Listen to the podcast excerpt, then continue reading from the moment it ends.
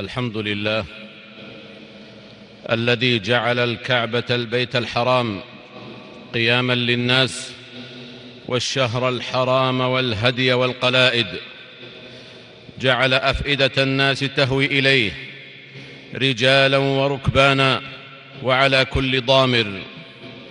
أحمده سبحانه وأشكره وأتوب إليه وأستغفره.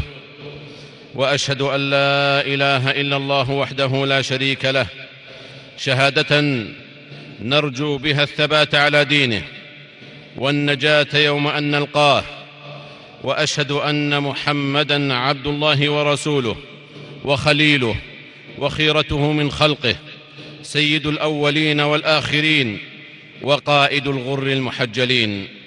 فصلوات الله وسلامه عليه وعلى آله الطيبين الطاهرين وعلى أزواجه أمهات المؤمنين ورضي الله عن الصحابة والتابعين ومن تبعهم بإحسان إلى يوم الدين وسلم تسليما كثيرا.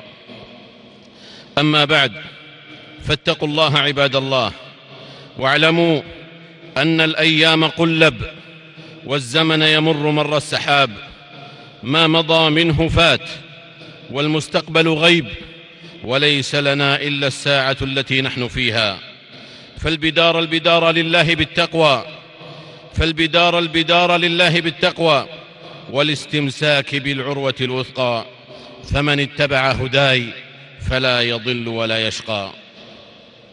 أيها المسلمون حجاج بيت الله الحرام مشهد يتكرر كل عام بصورة فريدة تتعاقب عليه الأجيال قرونا عديدة وأزمنة تليدة تلبية وطواف وسعي ووقوف ومبيت ورمي للجمار وعرصات قصدها أنبياء الله ورسله والخلفاء والملوك والرؤساء والعلماء وخلق من الناس لا يحصي عددهم إلا الله. كلهم يفدون إليها. كلهم يفدون إليها. مشرئبين إلى ما عند الله من فضل. استجابة لنداء إبراهيم الخليل لما أمره ربه وأذن في الناس بالحج. يأتوك رجالا وعلى كل ضامر. يأتين من كل فج عميق. إنها مكة. إنها مكة. وبكة والبيت الحرام الذي أسس للعبادة والتوحيد والطاعة. إن أول بيت إن أول بيت وضع للناس للذي ببكة مباركا وهدى للعالمين. فيه آيات بينات فيه آيات بينات. مقام إبراهيم ومن دخله كان آمنا. لقد صدق الله. ومن أصدق من الله قيلا. ومن أصدق من الله حديثا. لقد صدق الله. فيه آيات بينات.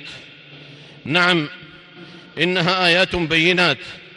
لا يمحوها طول الزمن. ولا تقادم العهود. آيات بينات.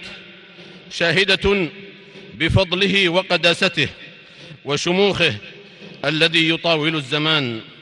فيه مقام إبراهيم الذي رفع منه القواعد يناوله ولده إسماعيل عليهما السلام. وإذ يرفع إبراهيم القواعد من البيت وإسماعيل ربنا تقبل منا إنك أنت السميع العليم. مقامه الذي به موطئه رطبا حافيا غير ناعل شاهدا على الهمة والإخلاص والصدق في الاستجابة لأمر ربه. فيه آيات بينات بارزة في السعي بين الصفا والمروة. ليستشعر الناس ليستشعر الناس ما بذلته هذه الأسرة الصغيرة. المكونة من أم وطفلها المكونة من أم وطفلها في واد غير ذي زرع يودعها فيه يودعها فيه زوجها فتقول له الله الله أمرك بهذا. فيقول نعم. فتقول إذا لا يضيعنا. إنه إنه السعي شعار القوة. والبذل والتوكل إنه الاعتماد على الله والتوكل عليه. الذي غمر قلب هاجر عليه السلام ليكرمها الله ليكرمها الله بجبريل يبحث بجناحه في الأرض حتى ظهر لها الماء حتى ظهر لها الماء فشربت منه وأرضعت وليدها. إنه الزمزم الماء المبارك إنه الزمزم. الماء المبارك إنه طعام طعم وشفاء سقم إنه الزمزم الذي لا يغيض ولا ينضب. الماء المعجزة الذي أدهش العلماء والخبراء. إنه الماء الذي قال عنه المصطفى صلى الله عليه وسلم ماء زمزم لما شرب له. رواه أحمد وابن ماجه. نعم حجاج بيت الله الحرام. إنه البيت الحرام الذي فيه آيات بينات. إنها آية البركة. إنها آية البركة التي وهبها الله بيته العتيق. بركة بركة في الأرض وبركة في العيش وبركة في الطعام والشراب. فقد جاء عند البخاري وغيره أن إبراهيم عليه السلام لما جاء إلى زوج إسماعيل عليه السلام سألها ما طعامكم؟ قالت اللحم. قال فما شرابكم؟ قالت الماء. قال اللهم بارك لهم في الماء واللحم. قال فهما لا يخلو عليهما أحد بغير مكة إلا لم يوافقاه. أي لا يخلو أحد فيقتصر على الماء واللحم في غير مكة إلا اشتكى بطنه. فاجعل أفئدة من الناس تهوي إليهم وارزقهم من الثمرات لعلهم يشكرون. حجاج بيت الله الحرام. إن مكة التي حرمها الله شاهدة على تلكم الآيات البينات. يستلهم المؤمنون منها عظمة خالقهم جل شأنه. ثم قداسة هذا البيت العتيق الذي أودعه الله آيات بينات. ليعتبر أولو الأبصار. إنها آيات في المسجد وآيات في المشاعر والعرصات. يقبل الحاج إلى البيت ليكون أول ما يبدأ به الطواف وليكون أول, وليكون أول ما يبدأ به من الطواف الحجر الأسود الذي جعله الله من آياته البينات في بيته الحرام. إنه الحجر الذي قال عنه النبي صلى الله عليه وسلم إن مسح الحجر الأسود والركن اليماني يحطان الخطايا حطا. رواه أحمد. إنه لآية شاهدة على نبي كريم نبي الحكمة والصدق والأمانة صلوات الله وسلامه عليه. نبي يجمع ولا يفرق يرحم ولا يقسو يصلح ولا يفسد. فإن القبائل من قريش لما اجتمعت لبناء الكعبة وأخذت كل قبيلة تجمع على حدة فبنوها حتى بلغ البنيان موضع الركن فاختصموا فيه. كل قبيلة تريد شرف رفعه إلى موضعه دون الأخرى حتى تحالفوا وأعدوا للقتال. فقال أحد حكماء قريش اجعلوا بينكم فيما تختلفون فيه. أول من يدخل من باب هذا المسجد يقضي بينكم فيه ففعلوا. فكان أول داخل عليهم.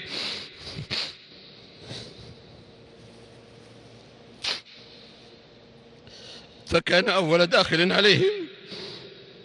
رسول الله صلى الله عليه وسلم.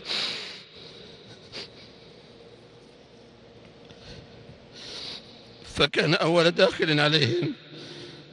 رسول الله صلى الله عليه وسلم. فلما أخبره الخبر قال هلم إلي ثوبا فأتي به فأخذ الركن فوضعه بيده ثم قال لتأخذ كل قبيلة بناحية من الثوب. ثم رفعوه جميعا حتى بلغوا به موضعه فوضعه هو صلى الله عليه وسلم بيده الشريفة ثم بنى عليه. إنه لآية بينة يمر طيفها على كل من شاهد الحجر أو استلمه أو قبله. آية نبي الرحمة البشير النذير والسراج المنير صلوات الله وسلامه عليه الذي قال وهو الصادق المصدوق نزل الحجر الأسود نزل الحجر الأسود من الجنة وهو أشد بياضا من اللبن فسودته خطايا بني آدم. رواه الترمذي. قال المحب الطبري في بقائه أسود عبرة لمن له بصيرة. فإن الخطايا إذا أثرت في الحجر الصلد فتأثيرها في القلب أشد. وقال الحافظ ابن حجر وقال الحافظ ابن حجر واعترض بعض الملحدين واعترض بعض الملحدين على هذا الحديث. فقال كيف سودته خطايا المشركين ولم تبيضه طاعات أهل التوحيد؟ وأجيب بما قال ابن قتيبة إن الله أجرى العادة بأن السواد يصبغ ولا ينصبغ على العكس من البياض. انتهى كلامه. ولا تعني هذه الآية البينة حجاج بيت الله الحرام أن هذا الحجر له بركة خاصة أو أنه يضر أو ينفع كما أنها لا تعني أن يقتتل الناس أن يقتتل الناس على تقبيله واستلامه. فقد قال الفاروق رضي الله عنه إني لأعلم أنك حجر لا تضر ولا تنفع ولولا أني رأيت رسول الله صلى الله عليه وسلم يقبلك ما قبلتك. متفق عليه. لذلك قال النبي صلى الله عليه وسلم للفاروق رضي الله عنه إنك رجل قوي فلا تزاحم فتؤذي الضعيف. إن وجدت فرجة فاستلمه وإلا فاستقبله وهلل وكبر رواه أحمد. إن أول بيت وضع للناس للذي ببكة مباركا وهدى للعالمين. فيه آيات بينات مقام إبراهيم. ومن دخله كان آمنا. ولله على الناس حج البيت. من استطاع إليه سبيلا. ومن كفر فإن الله غني عن العالمين. بارك الله لي ولكم في القرآن العظيم. ونفعني وإياكم بما فيه من الآيات والذكر الحكيم. قد قلت ما قلت. إن صوابا فمن الله وإن خطأ فمن نفسي والشيطان وأستغفر الله لي ولكم ولسائر المسلمين والمسلمات من كل ذنب وخطيئة فاستغفروه وتوبوا إليه إن ربي كان غفورا رحيما.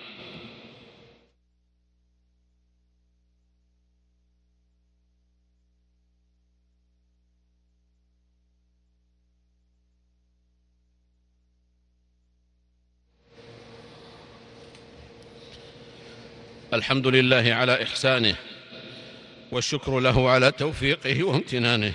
وبعد فيا حجاج بيت الله الحرام لقد حللتم أهلا ووطئتم سهلا. هذه مكة أم القرى والبلد الأمين جعل الله فيها هذا النسك جامعا فيه حرمة الزمان وحرمة المكان. وفي الحرمتين قوام الأمن المفرز السكينة والتواضع والتراحم. فزمن النسك وعرصاته يلفظان أي شعار غير شعار التوحيد. لا إله إلا الله وحده لا شريك له له الملك وله الحمد وهو على كل شيء قدير. وشعار التلبية لبيك اللهم لبيك لبيك لا شريك لك لبيك. إن الحمد إن الحمد والنعمة لك والملك. لا شريك لك. وما الحج؟ وما الحج عباد الله؟ إلا طواف وسعي ووقوف ومبيت ورمي وحلق أو تقصير. وإن من فضل الله على عباده أن هيأ لهذا البيت عبر الأزمان من يقومون بوفادة الحجاج. فكانت قبائل العرب تتقاسم ذلكم قوم بالسقاية وقوم بالإطعام وآخرون بالحماية. فتعاقبت على ذلكم الأجيال والدول حتى, حي حتى هيأ الله حتى هيأ الله لبيته. بلاد الحرمين الشريفين المملكة العربية السعودية راعية أمره وهي تشرف بخدمته مذللة ما من شأنه التسهيل على الحجيج في غدوهم ورواحهم ومراحهم باذلة وسعها في التشييد والإعمار بما يشهد به القاصي والداني. جعلها الله بلادا آمنة مطمئنة وسائر بلاد المسلمين. جعل جعلها الله بلادا جعلها الله بلادا آمنة مطمئنة وسائر بلاد المسلمين. وإن لكم على هذه البلاد حجج بيت الله الحرام الترحاب وبذل العون والأمن والراحة منذ قدومكم سالمين إلى رواحكم, إلى رواحكم غانمين بإذن الله. وإن لها عليكم استشعار هيبة المشاعر والتزام الأناة والرفق والأنظمة والتعليمات التي تصب في مصلحة الحجيج وعدم الإخلال براحتهم وأديتهم في نسكهم. فلا مجال لمزايدات بشعارات لا صلة لها بالحج ولا مجال لشرخ نسك العبادة بما ليس منها. فقد كان أهل الجاهلية يقفون في المشاعر ويفتخرون بآبائهم وانتصاراتهم فأبطل الإسلام ذلك بقوله فإذا أفضتم من عرفات فإذا قضيتم مناسككم فاذكروا الله كذكركم آباءكم أو أشد ذكرا فمن الناس من يقول ربنا آتنا في الدنيا وما له في الآخرة من خلاق ومن الناس من يقول ربنا آتنا في الدنيا حسنة وفي الآخرة حسنة وقنا عذاب النار. هذا وصلوا رحمكم الله على خير البرية وأزكى البشرية محمد بن عبد الله صاحب الحوض والشفاعة. فقد أمركم الله بأمر بدأ فيه بنفسه وثنى بملائكته المسبحة بقدسه وأيه بكم أيها المؤمنون. فقال جل وعلا يا أيها الذين آمنوا صلوا عليه وسلموا تسليما. اللهم صل وسلم على عبدك ورسولك محمد صاحب الوجه الأنور والجبين الأزهر. وارض اللهم عن خلفائه الأربعة أبي بكر وعمر وعثمان وعلي وعن سائر صحابة نبيك محمد صلى الله عليه وسلم وعن التابعين ومن تبعهم بإحسان إلى يوم الدين وعنا معهم بعفوك وجودك وكرمك يا أرحم الراحمين. اللهم أعز الإسلام والمسلمين. اللهم أعز الإسلام والمسلمين. واخذل الشرك والمشركين. اللهم انصر دينك وكتابك وسنة نبيك وعبادك المؤمنين. اللهم فرج هم المهمومين من المسلمين. ونفس كرب المكروبين. واقض الدين عن المدينين. واشف مرضانا ومرضى المسلمين. وسلم الحجاج والمسافرين. في برك وبحرك وجوك. يا أكرم الأكرمين. اللهم آمنا في أوطاننا. وأصلح أئمتنا وولاة أمورنا واجعل ولايتنا في من خافك واتقاك واتبع رضاك يا رب العالمين. اللهم وفق ولي أمرنا لما تحبه وترضاه من الأقوال والأعمال. يا حي يا قيوم. اللهم أصلح له بطانته يا ذا الجلال والإكرام. اللهم كن لإخواننا المرابطين في الحدود. اللهم كن لإخواننا المرابطين في الحدود. اللهم كن معهم ولا تكن عليهم. اللهم انصرهم ولا تخذلهم. اللهم انصرهم على المعتدين. يا ذا الجلال والإكرام. يا رب العالمين. ربنا آتنا في الدنيا حسنة وفي الآخرة حسنة وقنا عذاب النار. سبحان ربنا رب العزة عما يصفون وسلام على المرسلين. وآخر دعوانا أن الحمد لله رب العالمين.